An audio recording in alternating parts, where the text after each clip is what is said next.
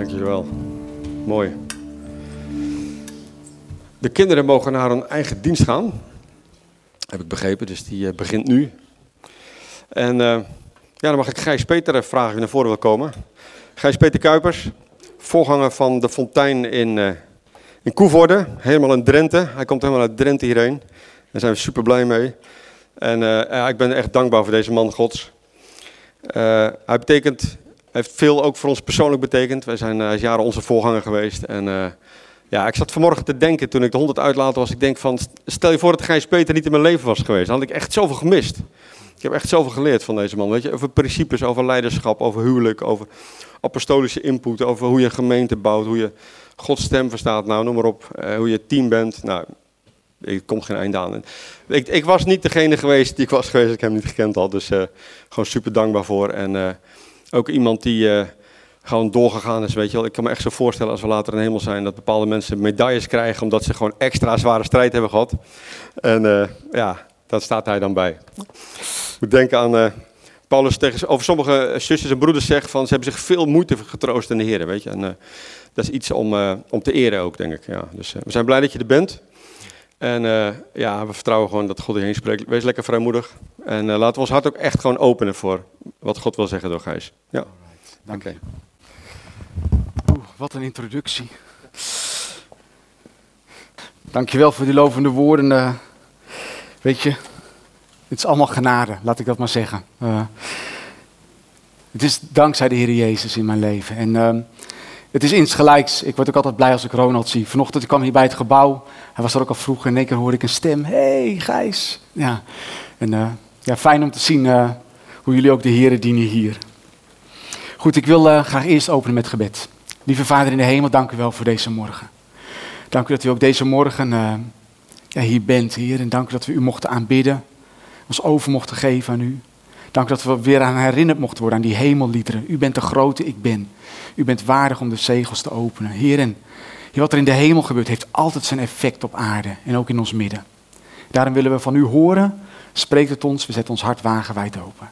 Tot de Heer van uw naam. Amen. Ik werd vanochtend heel hartelijk welkom geheten hier in deze gemeente door uh, Lisse en Anouk. Uh, ik weet niet, was even de ouders de hand aan het schudden, maar zij stonden al direct zij wilde ook een hand. En uh, geweldig. En uh, het is altijd een goede introductie in een kerk. Als je voor het eerst komt, dat er van zulke soort zonnestraaltjes zijn. Die je direct uh, een babbeltje gaan maken. We hebben even gebabbeld over school. En in welke groep ze zitten. Dus ik ben weer helemaal op de hoogte.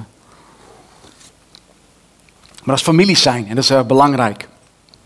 En deze morgen heb ik eigenlijk ook een familiepreek. Het is een preek die ik een paar weken geleden ook bij ons in de gemeente heb gehouden.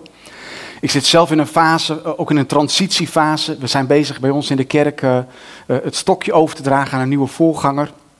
Het zijn altijd uh, interessante processen. Maar dan ga je voor jezelf ook wel eens nadenken. Zo van nou, hey, we hebben mooie overwinningen gehaald. We hebben verliezen geleden. Um, wat laten we achter? En dat is denk ik een hele legitieme vraag. Als je wat ouder wordt, ga je vaak zo over zulke soort dingen nadenken. Dus de jongeren onder ons, deze vraag die komt nog in je leven. Maar... Um, Weet je, als ik heel eerlijk ben, blijf je altijd een werk in uitvoering als je Jezus volgt. Hij is volmaakt en uh, uh, ik er niet. En ik weet niet hoe het met jou zit, maar als ik onder druk zit en als ik moe ben, dan ben ik vaak, dan is mijn liefde altijd wat, het heeft een, een iets lagere drempel of zo. Ik weet niet waarom, of dat ik iets zaggerijniger ben. En het, weet je, als, als je dat hebt, als je moe bent, dan komt het er vaak, komen er dingen uit waar je eigenlijk niet zo blij mee bent een tijdje geleden was ik met Kobe, eh, we zaten in de auto aan het praten over een bepaalde situatie. En dan, uh, toen zeiden we zo van, hé, hey, um, toen zei Kobe, nu moeten we stoppen, we praten oordelend. Ik, ja, je hebt gelijk. Weet je, dat, dat, wil ik niet. Ik wil niet praten vanuit oordeel, want Jezus heeft gezegd, oordeel niet. Dat is moeilijk. Weet je wel, want je wilt toch ook je waarde bepalen, wat goed of fout is voor jezelf, om je richting. Uh, maar het is een hele fine line als je, in, als je Jezus volgt om je eigen kompas goed te houden zonder een ander te oordelen. Dus je eigen waarde te bepalen zonder een ander te oordelen. En vandaag wil ik spreken over een gemeenschap van genade. En ik ga een heel bekend gedeelte, uh, uit een heel bekend gedeelte spreken over Jezus na zijn opstanding naar de hemelvaart toe, naar Pinkster toe. En um, Ik ga daarin niet alle details eh, behandelen, maar ik ga met deze bril van gemeenschap van genade kijken. Want dat is Gods hart voor ons, voor mij, voor jou, voor deze gemeente. Om weer een weg te vinden. En ik denk, Jezus modelleerde dat perfect. Als voorgang krijg je ook regelmatig de vraag, weet je wel, dan gebeurt er in de kerk wereldwijd wat en dan staat er op internet weer iets, een grote gemeente, een grote voorganger, nou er is iets gebeurd. En dan komen ze, Gijs, wat vind jij daar nou van? En weet je, ik word er altijd zo moe van die vraag. Weet je, dan zeg ik altijd, nou ik ken deze persoon niet persoonlijk. Ik ben enorm gezegend door die bediening, dus ik probeer leven uit te spreken en ik hoop dat, dat er een weg komt. En Weet je, het internet is een geweldig medium. Ik, ik hou van internet. Ik ben zelf ook een beetje aan het ondernemen nu. Dus, uh, maar internet kan, daar kun je direct de hele wereld bereiken. Aan je, je hoeft maar een paar dingen in te typen en dan. Geweldig medium. Het kan tot zegen zijn. Kun je, kun je veel geld verdienen. Een neef van mij die is miljonair geworden met Coolblue.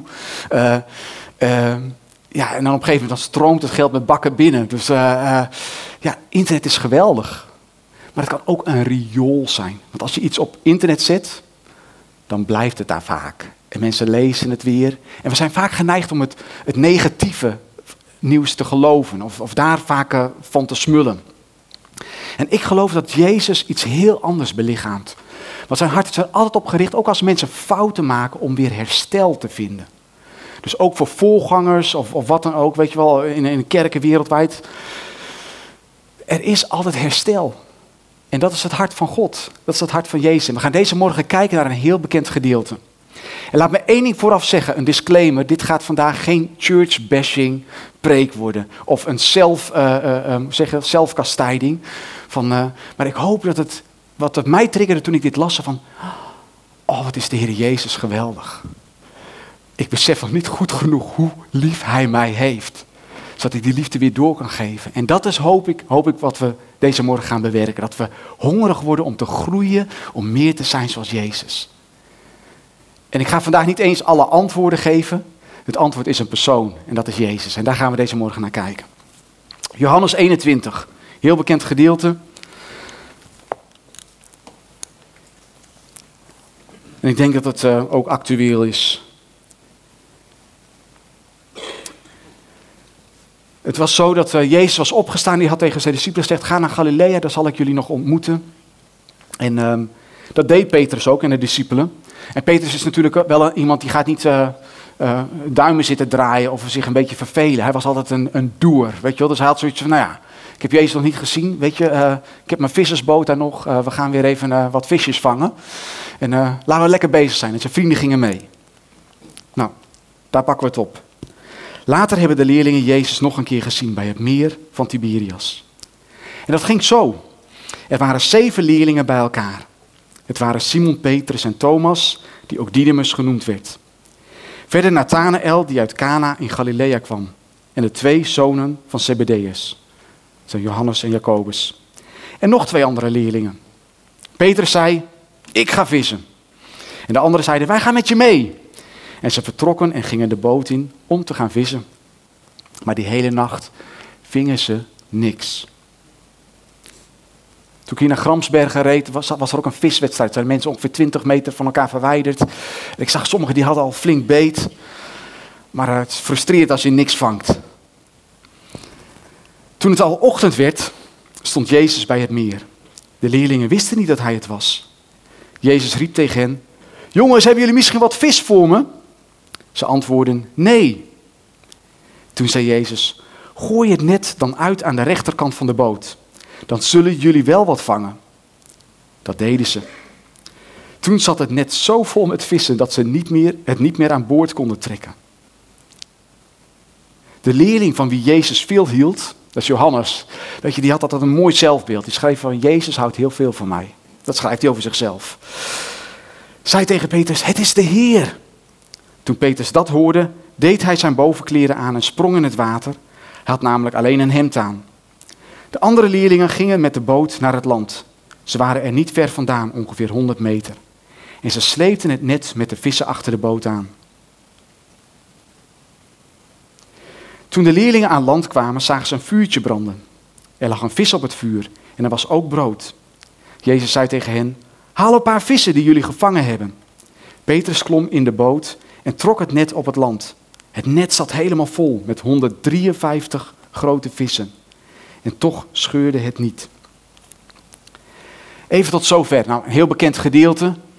Maar wat hier gebeurde, hoe wisten ze dat het de Heer was? Omdat er een enorme zegen op hen viel. En het, was het gebeurde op dezelfde manier als toen ze voor de eerste keer geroepen werden. Toen Peter voor het eerst geroepen werd, hadden ze ook een wonderbare visvangst. En weet je wat ik het mooie vind? We kennen allemaal dit gedeelte als dat Petrus in zijn bediening hersteld werd. En wij denken dan vaak van, nou, oké, als er iets hersteld moet worden, dan moeten we eerst even gaan praten. Weet je, we moeten wel even de issue even goed aanpakken en uh, we moeten even zeggen wat we ervan denken. Uh, alles even goed en fout uitgesorteerd. Weet je wat Jezus doet? Het allereerste wat hij doet, is hij zegent hem overvloedig. Dus nog geen woord gesproken, 153 vissen. Nou, ik denk dat het heel bewust hier is opgetekend. Want vissers die hebben vaak een visserslatijn. Hè? Als, je, als je wel eens iemand vraagt, wat voor vis heb je gevangen? Ik heb, ik heb zo'n vis gevangen. Dan denk je, is het nou zo of is het nou zo? Weet je wel, ze maken het vaak iets groter en iets beter dan het is. Uh, iets spectaculairder. Um, maar hier waren 153 vissen. En als je ziet, ook sommige commentatoren zeggen ook dat het zoveel was, zodat Petrus eigenlijk uh, dat kon verkopen en gewoon fulltime weer in de bediening kon. Het was gewoon, een, uh, het bracht bakken met geld op. En zo is het hart van Jezus. Zo liefdevol. Dus er was nog geen woord gesproken en hij zegent hem overvloedig. Wauw. Kun je wel toen hij het de eerste keer deed, dat Petrus ook dacht, wie ik? Hij zei, ik ben het niet waard om bij u te zijn. Ga alsjeblieft weg van mij. Jezus houdt zoveel van Petrus en hij houdt zoveel van ons. Zijn hart is er om ons te zegenen om het goede toe te wensen, om ons, ons te helpen. En dat vind ik zo mooi aan de Heer Jezus. En zo herkenden ze, het is de Heer. Het is de Heer. Laten we even verder lezen. Toen zei Jezus tegen de leerlingen, kom wat eten. Niemand van de leerlingen durfde hem te vragen, wie bent u? Nou, dat vind ik zo'n mysterieuze tekst. Weet je, want ze hadden hem al gezien toen hij opgestaan was. Maar waarschijnlijk had hij een opstanderslichaam. Zag hij er toch iets anders uit? Of ze hadden hem bebloed en kapot geslagen aan het kruis gezien. En, en ze konden het misschien niet geloven. Hij is het echt weer, weet je wel. Of je weet niet wat er allemaal in hun omging. Of misschien zag Jezus er wel iets anders uit met een opstandingslichaam. Maar er staat, ze durfden het niet te vragen. En dat vind ik ook zo bijzonder. Jezus gaat er niet zeggen zo van, hé, hey, uh, ik ben het echt hoor. Of uh, dat hij de twijfels probeert weg te nemen staat ook in, in Matthäus 28, toen, zij naar de, toen Jezus naar de hemel ging, staat er, ze, kwamen, ze benaderden hem staat er, en sommigen twijfelden nog. Dan gaat Jezus ook niet zeggen, joh, je mag niet twijfelen. Hij liet alleen zichzelf zien. Zegt hij, joh, mij is gegeven alle macht in hemel en op aarde. En ik ben met jullie alle dagen van het leven. Wauw, tot aan het einde van de wereld. Dat is het hart van Jezus. Hij, is niet, hij probeert niet al, al onze theologieën of al onze twijfel direct te corrigeren. Hij probeert zichzelf te laten zien. En dat is de essentie, denk ik, als we een gemeenschap van genade willen zijn, moeten we vooral Jezus laten zien. Hem laten schitteren. Hem, als Jezus in het midden is, is er altijd een toekomst. Altijd. En dat zie je ook. Jezus gaat niet, weet je, en dat is ook een gemeente. We hoeven niet alles te weten. We hoeven niet zo altijd supersterk in het geloof te zijn. Er mogen ook twijfelaars bij zitten. Die zijn van harte welkom. Als jij twijfelt, misschien soms in je theologie of over dingen in de Bijbel, misschien zelfs aan het bestaan van God, ga naar Jezus. En Jezus in de gemeente, dus je bent van harte welkom. Alle twijfelaars, kom alsjeblieft bij de kerk. Of ga naar hun toe. Jezus ging naar hen toe. Hij zei, hij had, hij had eten gemaakt. En dat brengt me eigenlijk bij het tweede punt. Eerst zegent Jezus overvloedig. Maar als je gemeente van herstel wil zijn, dat is ook iets heel praktisch. Ik weet nog wel dat uh, na de coronatijd iemand bij ons in de gemeente die mopperde een beetje. Zegt, joh, waar is iedereen? We, missen nog heel veel mensen. En toen hadden we een uh, startzondag en toen hadden we uh, een feestmaal georganiseerd en er was een barbecue. Ik zeg, ja, als er een barbecue is, dan is iedereen er. Want toen was het een volle bak. En zei ik, wat een goed idee. Dat gaan we, dat gaan we vaker doen dit jaar. Dus ons jaar, de, visie voor dit jaar bij ons is dat we heel veel feestjes gaan vieren. Dus barbecues houden. We hebben nou pas geleden een paasbrunch gehad. We laten straks weer een foodtruck komen met springkussens en we gaan weer gewoon los. Want dat is ook familie zijn. Wij denken heel vaak bij de kerk alles zwart-wit en alles op leven en dood en goed en fout. Maar het is ook gewoon familie zijn. Mag ik je aanraden om dat meer te gaan doen de komende tijd. Juist als je in een tijd van herstel zit, ga lekker bij elkaar eten. Wij zitten voor onszelf, mijn vrouw en ik, eh, in ons laatste jaren. Wij hebben het een agendapunt gemaakt. Wij gaan nog heel veel mensen bij ons thuis uitnodigen om te eten. Dus we hebben de kalender vol zitten. Vrijdagavond is bij ons een, een dinner night. En dan nodigen mensen bij ons uit. En ik kan eigenlijk maar één ding goed. Uh, ik kan biefstukje bakken. En dan uh, wil je medium rare of weet je wat. Dus dan even wat asperges in de pan mikken. En dan, maar misschien zeg je, ja maar Gijs, ik kan niemand bij mezelf uitnodigen, want ik kan helemaal niet koken. Er zijn magnetronmaaltijden tegenwoordig. Er zijn pannenkoeken. Misschien kan je alleen maar pannenkoeken bakken. Ga dat eens doen. En als je dit hoort, kijk dan eens wat Jezus deed. Hij had al een vuurtje klaar en er zat al wat vis op. Maar hij had nog meer nodig. Hij zegt, kom, kom, we gaan eten. Een gemeenschap van genade bevindt zich vaak rond de eettafel. Weet je, er is iets bijzonders aan, aan samen eten. En uh, uh, ik weet nog, bij ons in, de, in, in, uh, in onze gemeente was vroeger een, een grote Afrikaanse broeder. En uh, ik weet nog dat zij hun inburgeringscursus deden en hij wilde zeker slagen. Dus ik moest bij hem op visite komen en ik moest hun overhoren. Nou, volgens mij waren ze geslaagd met een team. Maar ik leerde zelf nog wat over de Nederlandse cultuur. Want er stonden namelijk dingen in. Zo van als je bij een Nederlander op bezoek komt, dan staat er vaak een schaal met koekjes. Maar neem er maar eentje van af. Ik zo van, uh, lekker hartelijk, hè, weet je Maar het is dus niet de bedoeling dat je de hele bak, uh, die schaal leeg eet. Maar neem er maar eentje. Of als je bij iemand aanbelt of belt, vraag dan eerst even of je gelegen komt. Of gelegen, gelegen belt. Denk zo, oh, wat een drempels hebben wij als Nederlanders altijd, weet je En, maar er stond ook zo van, als je bij iemand uitgenodigd wordt om te eten, dan is dat iets heel bijzonders. En ik dacht van ja, dat is zo. Wij vragen vaak, uh, zeg maar, kom maar na het eten of voor het eten. En ik denk wel zo van, ik, ik, ik, als ik heel eerlijk was, ik, las dat en ik, dacht, ik, vind eigenlijk de Nederlandse cultuur niet altijd heel erg, heel erg vriendelijk of zo, toen ik dat zo las. Maar dat is, weet je, er is geen goed of fout, zo zijn we. En Afrikanen zijn natuurlijk misschien meer event-oriented, dus die blijven gewoon plakken tot middernacht. En dan denken ze nou, wordt er ook al wat gebak in de keuken, weet je wel, ik uh, ben benieuwd. Weet je, het is niet goed of fout, het is gewoon anders. Maar, weet je, wij moeten één ding beseffen, wij zijn allereerst niet Nederlander, wij zijn burgers van het Koninkrijk van de Hemel. En Jezus modelleerde een gemeenschap van genade. Hij zegende, voordat er nog een woord gesproken was, hij ging lekker samen eten. Dat was het tweede wat hij deed. En mijn voorstel is, als je hier zit, zo van, ja maar Gijs, weet je, ik word nooit uitgenodigd. Weet je, iedereen die hier eet lekker bij elkaar, maar ik word nooit uitgenodigd. Mag ik het even omdraaien vandaag? Probeer zelf eens te vragen, wie kan ik bij mij thuis uitnodigen? Jij kan een verandering brengen in iemand anders leven. Door iemand bij jou thuis uit te nodigen en samen te eten. Er is niks bijzonders. Vanochtend werd er tijdens de bidstond gelezen uit Handelingen 2. Dat staat ook zo van, ze begrepen hoe Jezus het modelleerde. Ze kwamen bij elkaar in de huizen en braken samen het brood. Weet je, ze hadden maaltijd samen. Er is niks wat sneller weer dingen, mensen samenbrengt. Juist in een periode waarin jullie nu zitten, is door samen te gaan eten. Dus ik hoop dat je naar aanleiding van deze preek een hele praktisch punt maakt. Zo van, hey, wie kunnen wij wie kunnen wij eens uitnodigen bij ons thuis? Ik hoop het. Want ik geloof dat is een plek waar herstel plaatsvindt. En waarin je samen elkaars hart deelt. Er is namelijk niks bijzonders, bijzonders dan dat jij hebt tijd klaargezet. Je bent naar de supermarkt geweest. Je hebt moeite gestopt om iets klaar te maken voor iemand anders. En dan eet je het samen. Je praat net als met je gezin, met onze jongens. Over, nou, hoe was vandaag je dag? Hoe was het op school? En je hoort de verhalen. Uh, wat ze gedaan hebben. Je hoort de, de uitslagen van voetbalwedstrijden. Uh, weet je, je deelt het leven met elkaar. Je dankt samen God. Heerlijk. Dat is gemeente zijn aan de keukentafel. En zo deed Jezus dat ook. Hij zei, kom, wat eten. Laten we even verder kijken. Na het eten begon Jezus tegen Simon Petrus te spreken.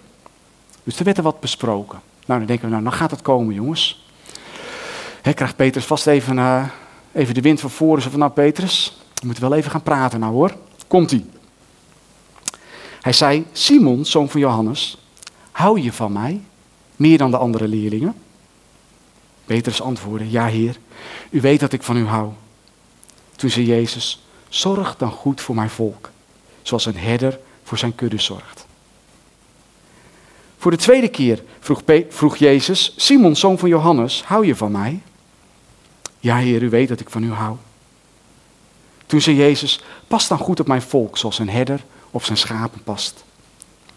Zie je ook weer, wat is de essentie van gemeente? Goed zorgen voor het volk. He, uh, uh, ja, zoals een herder op zijn schapen past. En voor de derde keer vroeg Jezus, Simon, zoon van Johannes, hou je van mij? Petrus werd verdrietig, omdat Jezus het voor de derde keer vroeg. Hij zei, Heer, u weet alles. U weet dat ik van u hou. Toen zei Jezus, zorg dan goed voor mijn volk zoals een herder voor zijn schapen zorgt. Weet je wat ik zo apart vind? Jezus is de meester hersteller. En als wij relaties proberen te herstellen, ik, heb, ik, ik, ik ben al uh, meer dan 25 jaar getrouwd, zilveren bruiloft. Ja, uh, ik ben nou ook weer even op de hoogte van de andere klassificaties, dus we hopen de parelen ook weer te bereiken. Mooie, mooi vervolg. Maar je komt elkaar wel eens tegen, dan moet je dingen uitpraten. Weet je, maar soms hebben we het in de relatie, als we een conflict hebben, dat we denken van, ja, ik moet ik heb nog geen sorry gehoord. Weet je wel, dat, dat is het eerste wat we willen horen. Of ja, we moeten er wel eerst even over praten voordat we weer verder gaan hoor. En dan uh, over de zaak praten en dan wil ik wel even het een en ander nog even van mijn hart luchten. Weet je wel, zo werkt dat vaak. Um, Jezus was verraden, verlogend, verlogend door Petrus dat hij hem niet kende. In de tijd dat hij het het moeilijkst had. Niet één keer, niet twee keer, drie keer. En je zou denken zo van nou, voordat Petrus in de bediening hersteld wordt, moet er wel weer even wat uh, rechtgezet worden, toch? En het frappante vind ik dat Jezus niet op het gedrag aanspreekt, maar hij spreekt hem aan op zijn hart. Zegt hij, Petrus, hou je van mij? En ik ga, commentatoren, ik heb er in het verleden ook wel eens over gesproken. Dan zie je dat Peter was natuurlijk haantje de voorste zegt, ik hou meer, ik heb meer toewijding dan al die andere discipelen. En nou, dus Jezus begon ook daar, heb hou je meer van me dan al deze anderen? En langzaam daalt hij op het niveau van Petrus.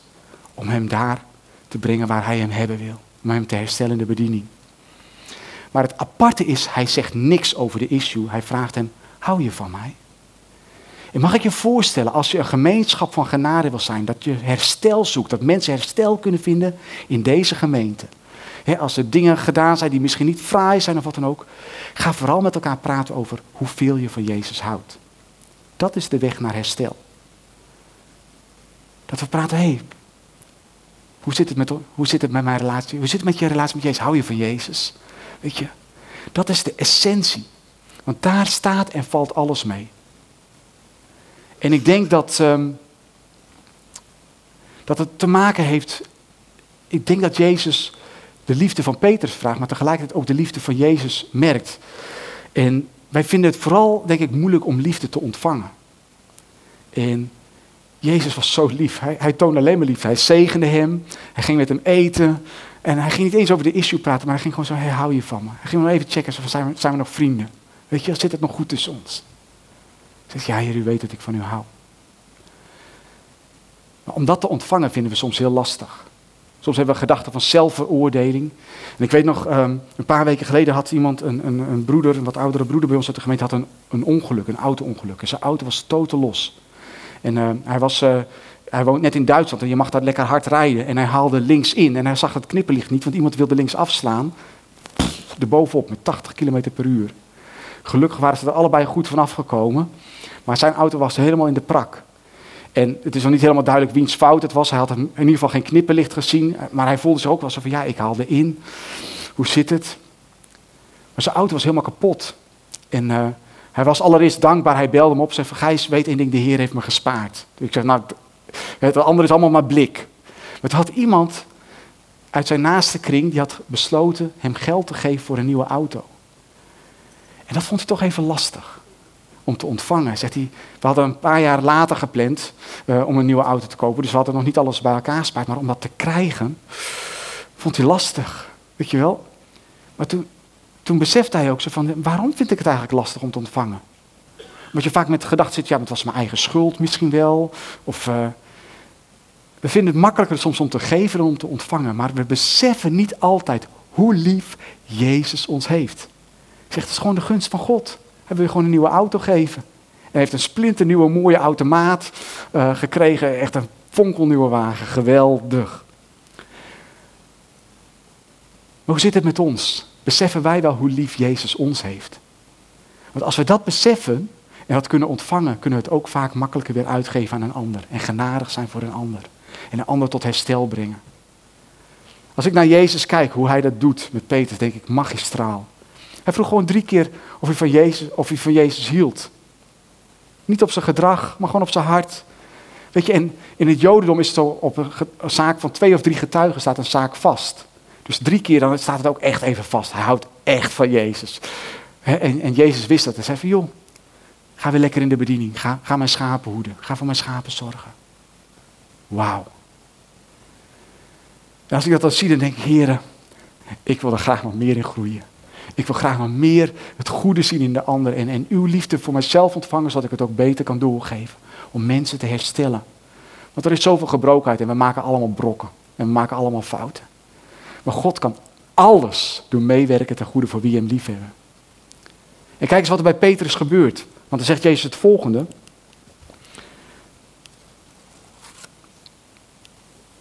Dan zei Jezus verder, luister heel goed naar mijn woorden. Toen je jong was, kon je zelf beslissen waar je naartoe ging. Je ging overal heen waar je wilde. Maar als je straks oud bent, zal het anders zijn. Dan zul je je handen uitsteken en anderen zullen je vastbinden. Ze zullen je als gevangene meenemen en naar een plaats waar je niet heen wilt. Daarmee bedoelde Jezus dat Petrus om zijn geloof gedood zou worden tot eer van God. Toen zei Jezus tegen Petrus, volg mij. En wat Jezus hier doet, is hij profiteert over zijn leven. Weet je, en dat is soms ook goed om, over mensen te profiteren wat je in iemand ziet. Maar dit was natuurlijk best wel een heftige boodschap. Zo van, hé, hey, je gaat naar een plaats waar je straks niet heen wil. Maar weet je, het staat ook tot eer van God. Toen er een nieuw moment kwam, dat Petrus op een punt stond om, om kleur te bekennen voor Jezus, toen bleef hij vasthouden aan Jezus. En hij stierf als een vriend van Jezus. Was bereid de hoogste prijs voor Jezus te betalen, die Jezus voor hem meer dan ooit betaald had. Weet je, hij stierf voor Jezus. Wauw. Dan zie je ook dat er echt een hartsverandering plaats had gevonden bij Petrus. Hè? Want we weten, Petrus is later aan kruisdood gestorven. Hij wilde niet op dezelfde manier als Jezus sterven. Zegt, kruisig mij maar op de kop. Want ik ben het niet waard op dezelfde manier te sterven als mijn meester. Volg mij. En ik denk dat het heel goed is als wij, um, uh, wat behulpzaam kan zijn, is, is wat, hij, wat hij namelijk zei. Zo van, er komt een dag, dan ga je kleur bekennen van mij, maar je gaat stand houden. Je gaat dit overwinnen. Dat is eigenlijk wat Jezus over Petrus zei. En ik denk dat wij daar ook, um, dat het heel belangrijk is dat wij leven uitspreken over andere mensen. En leven uitspreken heeft namelijk dat jij um, de goede dingen tevoorschijn roept in de naam van de Heer. En dat je vooral benoemt wat, wat goed is. En ik ben een paar jaar geleden ben ik bij Paul Manwaring geweest bij een leiderschapstraining. En een van de dingen trof mij. Dat is eigenlijk wat ik meegenomen heb, wat ik probeer te implementeren in mijn leven. En dat, dat zegt hij zo van, probeer niet te verbeteren wat fout gaat, maar vermenigvuldig wat goed gaat. En dat is heel cruciaal. En ik merk het als vader, als mijn kind thuis komt met zijn rapport. En hij heeft uh, achten, zeven, zessen en er zit een vijf of een vier tussen.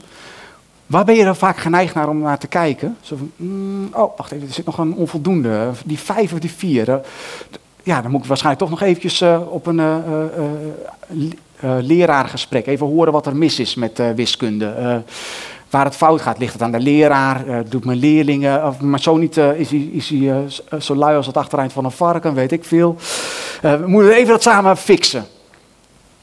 En ik was eens een keer bij een, bij een groot managementcongres. En daar sprak Ben Tichelaar, dat is echt zo'n managementgoeroe. Die zegt van, de florerende bedrijven, de, mensen, de bedrijven die het fantastisch doen, die kijken helemaal niet naar de vijfjes en de viertjes in een bedrijf, maar die kijken naar de achten en de negens. En ze zeggen, hoe kunnen we die achten en de negens een tien maken? Of een elf of een twaalf, want de sky is the limit. En die bedrijven die, die floreren vaak en die trekken hun zesjes en, en, vijfjes automatisch vaak mee. Omdat zij vooral bezig zijn met waar ze goed in zijn. Weet je, en ik geloof dat het een koninkrijksprincipe. En um, ook, ook met mijn zoon, kijk, mijn zoon, als ik naar zijn rapport kijk, zegt: Pa, het komt goed hoor. Weet je wel? Eh, je hoeft niet naar de oudergesprek. Weet je, ik wil niet blijven zitten. Weet je, daar heb ik echt geen zin in hoor. Dat, ik trek het wel weer recht. Maar ik kijk vooral naar wat hij leuk vindt. Ik zeg, wat wil je worden? Yo, weet je wel, ik zie dat ook wel in je, in je welke vakken je leuk vindt. En probeer daar leven over uit te spreken. En ik denk ook in een gemeente. We kijken zo vaak, we, zijn vaak, we hebben vaak op een of andere manier een, een radar voor de dingen die niet goed zijn. Maar ook als we hier uit willen komen, als, waar, waar de gemeente in zit, moeten we vooral kijken naar wat hebben we. En ik zag vandaag een paar geweldige gastvrouwen hè, uh, in, in Lisse en Anouk. En ik dacht, wauw, weet je, ik, heerlijk. Iemand die spontaan zijn hand uitsteekt, die wil echt even hoi zeggen. Nou, dat, is, dat zijn geweldige dingen, weet je. En kijk naar wat, wat we hier al hebben met elkaar. En spreek daar leven over uit en probeer dat te vermenigvuldigen. En al die andere dingen, weet je, God gaat het recht trekken. Want Jezus is hier. En Hij is, staat centraal. Hij is het hoofd van deze gemeente. Ik lees nog even verder en dan ga ik afronden hoor. Petrus draaide zich om. Hij zag de leerling van wie Jezus veel hield. Dat hij Jezus volgde. Die leerling had naast Jezus gezeten bij de laatste maaltijd voor zijn dood. Hij had toen, zich toen dicht naar Jezus toegebogen en gevraagd: Heer, wie zal u uitleveren? Toen Petrus die leerling zag, vroeg hij aan Jezus: uh, En wat gaat er met hem gebeuren? En Jezus antwoordde: Misschien wil ik wel dat hij blijft leven totdat ik terugkom. Maar dat is niet jouw zaak. Jij hoeft alleen maar te volgen. Mij alleen maar te volgen. En dat is denk ik nog een handvat als je een gemeenschap van genade wil zijn, om niet te veel op die broeder of zuster te letten. Oh, dat gaat niet goed hoor, wat gaat er met hem gebeuren? Daar zijn we soms ook zo goed in hè. Jezus zegt, volg jij mij. Laat dat maar aan mij over. En ik denk dat, dat dat sleutels kunnen zijn om een gemeenschap van genade te zijn. En als we dat echt pakken met elkaar, als we zien hoe lief Jezus ons heeft en hoe hij met mensen omgaat, dan wordt deze gemeente de wegwijzer een onstopbare kracht. Ik geloof, wij hebben onze beste dagen hier nog niet gezien. We mogen dit ter harte nemen. Zelf beseffen hoe lief Jezus ons heeft en dat weer uitdelen aan anderen. Ga maaltijden houden met mensen. Ga leven uitspreken over anderen. Ga vooral met elkaar praten over hoe lief we de Heer hebben. Want dat, liefde, maakt dat we dingen willen veranderen in ons leven. In plaats van als we op gedrag kijken. Weet je, ik ben opgegroeid in een Pinkstertijd, uh, dat, dat wij altijd in onze theologie ook heel streng waren over, uh, over allerlei issues. Als, ik noem maar wat, uh, roken of zo. Weet je wel, dan kon je zo van, oh ja, nee, nee, die kan niet in de bediening, want die rookt. Weet je wel, en dan maakten we grapjes van, ja, ach weet je, niet dat hij naar de hel gaat. Hij ruikt alleen alsof hij er vandaan komt. Weet je, even die flauwe grapjes. Ik ben daarvan teruggekomen. Weet je, ik denk, wij, wij focussen zo op gedrag. Mijn schoonmoeder die, die, werd al boos op ons als wij naar de bioscoop gingen. Want och ja, dat was de brede weg. Weet je, we kijken zo vaak naar dingen die we doen. En, en ik geloof dat Jezus echt wil dat wij leren kijken naar het hart. En dat wij, dat wij over sommige dingen ons niet druk maken, maar vooral over hoe lief wij Jezus hebben. En al die andere dingen vallen vanzelf op zijn plaats. Ja, we hebben allemaal onze nukken en onze mitsen en maren. Maar de sleutel is het hart. Jezus houdt van ons. En wij mogen zijn liefde beantwoorden. Amen. Laten we bidden. Heer Jezus, dank u wel voor uw prachtige voorbeeld hier in, de, in dit hoofdstuk. Heer, eh, u laat zien wat het betekent om een gemeenschap van genade te zijn. En Heer, als ik naar mezelf kijk, denk ik, oeh, Heer, ik, eh, er zijn nog wel wat groeipuntjes bij mij. Maar Heer, ik wil hier beginnen. Ik wil zeggen, Heer, dank u wel voor uw liefde voor mij. Heer, ik sta er steeds zo verbaasd over hoeveel u van me houdt. En laat dat de basis zijn van waaruit ik anderen mag liefhebben. Waar ik anderen tot herstel mag brengen. Waarin we samen gemeente mogen zijn. En dat bid ik ook voor een ieder die hier zit. Heer, u kent onze pijn, ons verdriet. Maar u bent de weg, de waarheid en het leven. U modelleert het en we willen u volgen. En ik spreek leven uit over de verlangens om misschien maaltijd te gaan houden met broers of zussen. Heer, ik wil gewoon leven uitspreken over als we samen gaan praten over conversaties. Als we het hebben over hoe lief we Jezus hebben. En dank u wel dat u daar uw leven over wil geven. Dank u dat u, dat u een plan hebt en dat er een weg is met u altijd. En uw plannen zijn goed. Amen.